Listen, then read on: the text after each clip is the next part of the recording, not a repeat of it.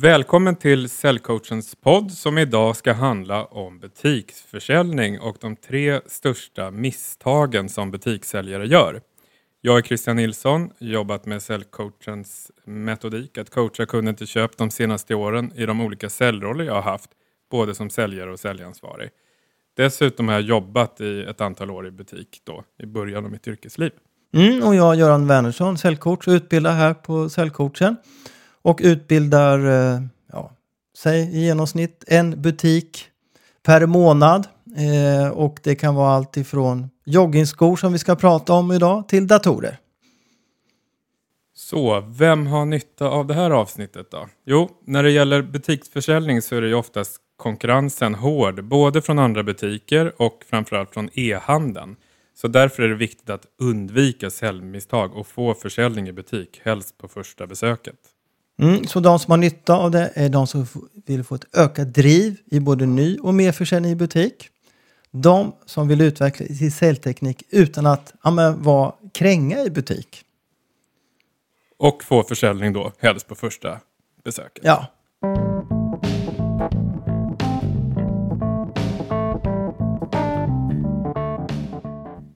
Tre vanliga misstag vid försäljning i butik. Men först måste vi prata om vilka typer av butiker vi kommer ha som exempel här i podden. Och det kan vara, egentligen så kan det gälla då i stort sett alla typer av butiker. Eh, och vi kommer ge exempel på tre misstag i en sportbutik där en kund ska köpa en träningssko och en datorbutik där en kund ska köpa en dator. Och det är ju rätt så stor skillnad mellan dessa olika produkter och vi kommer att visa att man faktiskt gör samma fel oavsett om vi som säljare säljer ett par joggingskor eller en dator. Och de vanligaste problemen som vi ser att det handlar om Ja, och det handlar om fel inledningsfrågor, dålig presentationsteknik och så den tredje, inga riktiga avslut. Om vi börjar då med fel inledningsfrågor. Vad får det kosta? är en vanlig fråga som inte är bra. Eller vad ska du ha den till? Det är inte heller bra.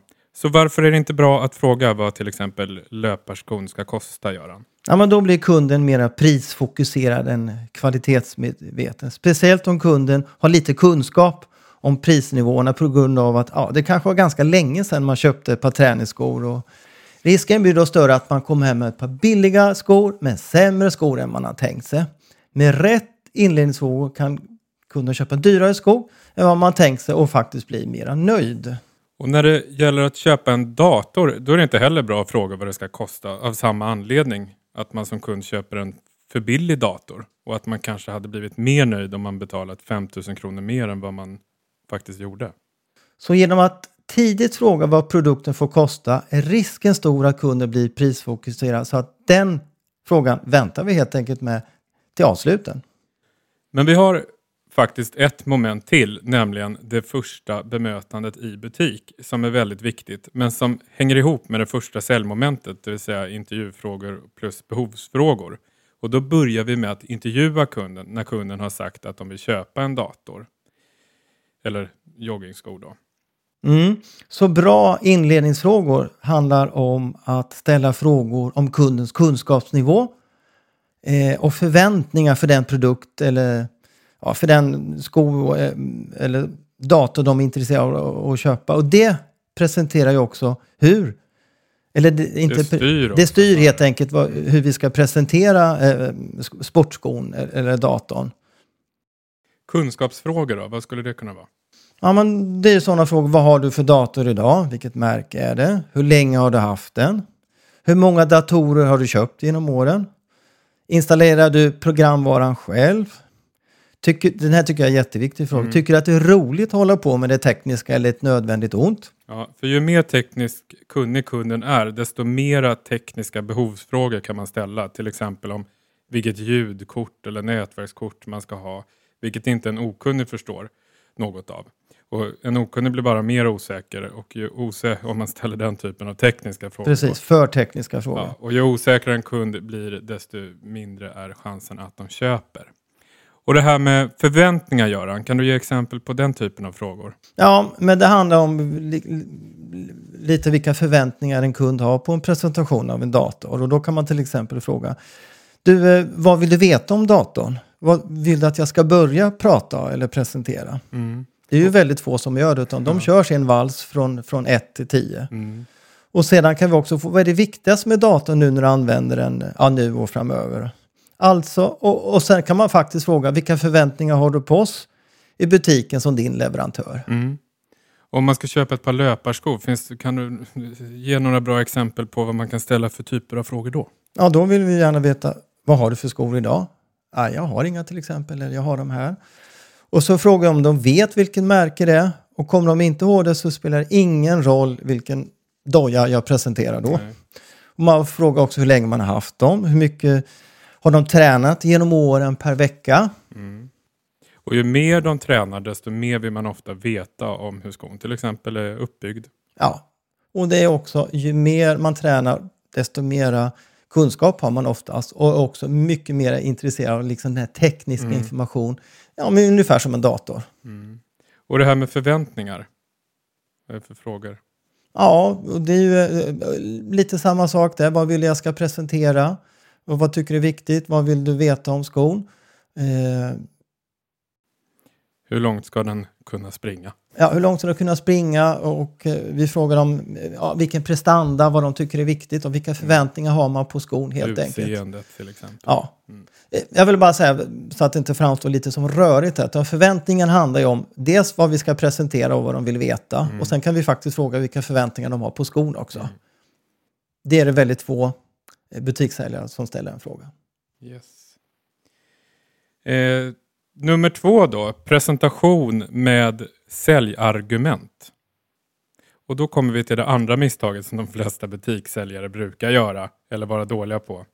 Och det handlar om att göra säljande presentationer för att skapa mer intresse och även köpbeslut.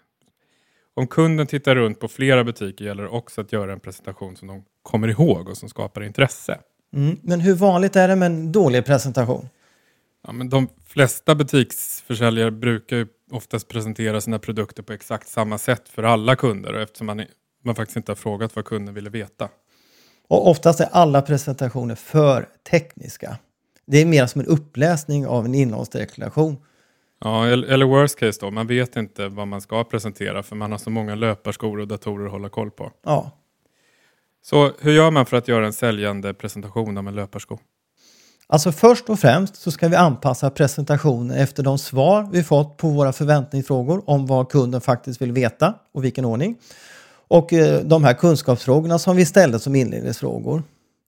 Och det ska alltså ge oss vägledning hur vi ska presentera. Mm. Så hur kan man presentera en löparsko för den okunniga kunden? Ja, men den okunniga och oerfarna köparen vill helst ha trygghet och gå på säkra kort. Och då kan man till exempel säga att ja, men den här, eh, det här är den mest sålda skon eh, för den som ska börja springa lite mer seriöst. Den har funnits på marknaden i tre år och den här uppdaterade versionen har sålts över 100 000 ex Mm. eller vad det nu kan vara. Mm. Och de som köper den här skon, de gör det oftast av tre olika orsaker. Mm. Och då kan man säga ett, den här håller upp till fem, fyra till fem år om du nu gör det. Har väldigt bra stötande, stötdämpande effekt för ja, ungefär så mycket som du ska springa, tre till fyra pass i veckan. Och dessutom funkar den här väldigt bra när det är blött och kallt ute. Mm. Det skapar trygghet. Vad är tanken bakom de siffror du nämner, Göran? Tre år eller tre till fyra pass per veckan? Ja, men det är ju då att så fort vi sätter in en siffra så blir det konkret, Lätt att det blir förstå. tydligt, lätt att förstå, lätt att komma ihåg. Och vad blir skillnaden när man presenterar en sko då för en kunnige? Jo, den kunden vill oftast ha något nytt som kan ge en fördel i sitt löpande. Och de brukar vara intresserade av att testa och prova nya egenskaper för att eh, kunna bli ännu bättre. Ja, och, och då kan säljargumenten vara helt det motsatta. Fast det faktiskt nästan kan vara samma sko. Då. Det här är en helt ny sko som kom bara för en månad sedan. Eh, den som köper den här skon tränar 5 till 9 pass i veckan. Och då vet vi hur många pass kunden tränar, för det har vi frågat. Mm. Prognosen är 20 procent eh, mindre stötare, eh, mindre stötare än förra versionen utav samma sko. Mm. Och sen lite mera tekniksnack. Helt OK med mera teknik, innehållsdeklaration. För den här eh, kan och vet lite mer vad det handlar om. Ja. Alltså anpassa och välj säljargumenten utifrån kundens kunskapsnivå och erfarenhet. Och sätt siffror på dem så ökar chansen till försäljning nu på en gång vid besöket, första besöket. Hur presenterar man en dator för en oerfarne? Ja, men då är det extra viktigt med trygghet och säkra kort. Och jämför vi med löpardojan, för det är ju en dyrare och svårare produkt att använda, eller hur Christian? Ja, man vill ju inte komma hem med en dator som är så tekniskt komplicerad att man inte kan använda den. Så hur skulle man kunna presentera en dator för den som inte kan så mycket och för den som inte är så intresserad av det tekniska? Ja, men som du säger, inte så mycket teknik, inte så mycket prestanda, inte så svåra ord eller fackuttryck, vilket är mycket viktigt. Ja, det stämmer. Ja. Det ska alltså vara, även här då, mera fokus på trygghet, som till exempel vår butik har funnits sedan 1998. Våra kunder kommer till oss för vi har 12 timmars support per dygn. Vi har 10 duktiga tekniker som hjälper till om och när det behövs. Och det är bara att komma till några av våra 16 butiker som vi har runt om i hela Sverige. Och det här är den mest sålda datorn i år och förra året har sålt över 100 000 exemplar. Och bara den här veckan har vi sålt 100 stycken. Till Mm. exempel. Då.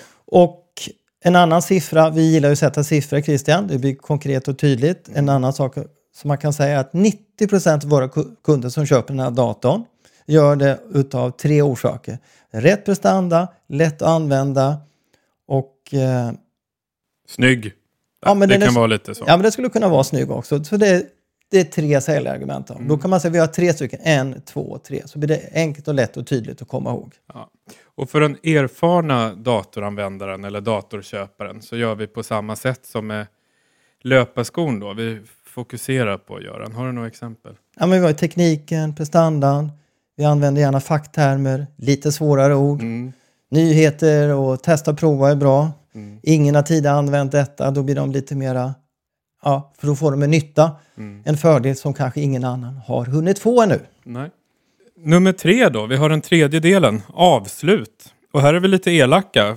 För de flesta butikssäljare har inga avslut alls. För när man är klar med sin presentation så har man inga avslutsfrågor att ställa. Och det låter ju lite märkligt, eller hur? Ja, men visst är det märkligt. Men det är bara att gå in i vilken datorbutik eller sportbutik som helst och testa och testa och, och, och testa helt enkelt Mm. och, och kolla. Och eh, på våra utbildningar för butiksanställda så brukar vi fråga vad har de för avslutningsfrågor? Och det kan på sin höjd bli ja, en, ja, kanske två någon gång. Ja, såvida man inte äger butiken kanske, för då brukar man bli lite mer på. Och kanske till och med oftast lite för på. Ja, ab- absolut. Vad kan det vara för typer av olika... Vad, vi, vad ska vi ställa för avslutsfrågor i butik? Ja, men är vi klara med vår presentation, oavsett om det är för en eh, erfarna och och Mm. oerfarna, så säg, spontant, vad tycker du om den här skon? Mm. Spontant, vad tycker du om den här eh, datorn? Och då låter vi kunden vara lite spontan så de inte tror att de säger, när de säger ja att de måste köpa den då. Och så kan vi också få, nu när jag presenterar den här datorn, ser du några fördelar med, med, för dig att köpa just den här Mm. datorn? Eller vad tycker du är bra med den här datorn? Eller är det något du tvekar eller funderar på? Ja, Och förutom priset, vad är viktigt för dig?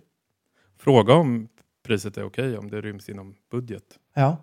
Eller är det något mer du vill veta? Precis, och, det här, och, och egentligen exakt samma frågor oavsett om vi snackar om en träningssko eller om en dator. Exakt samma frågor oavsett om kunden är oerfaren eller erfaren. Mm. Mm. Så det var tre tips för oss, så tack för idag. Hej! Hej hej!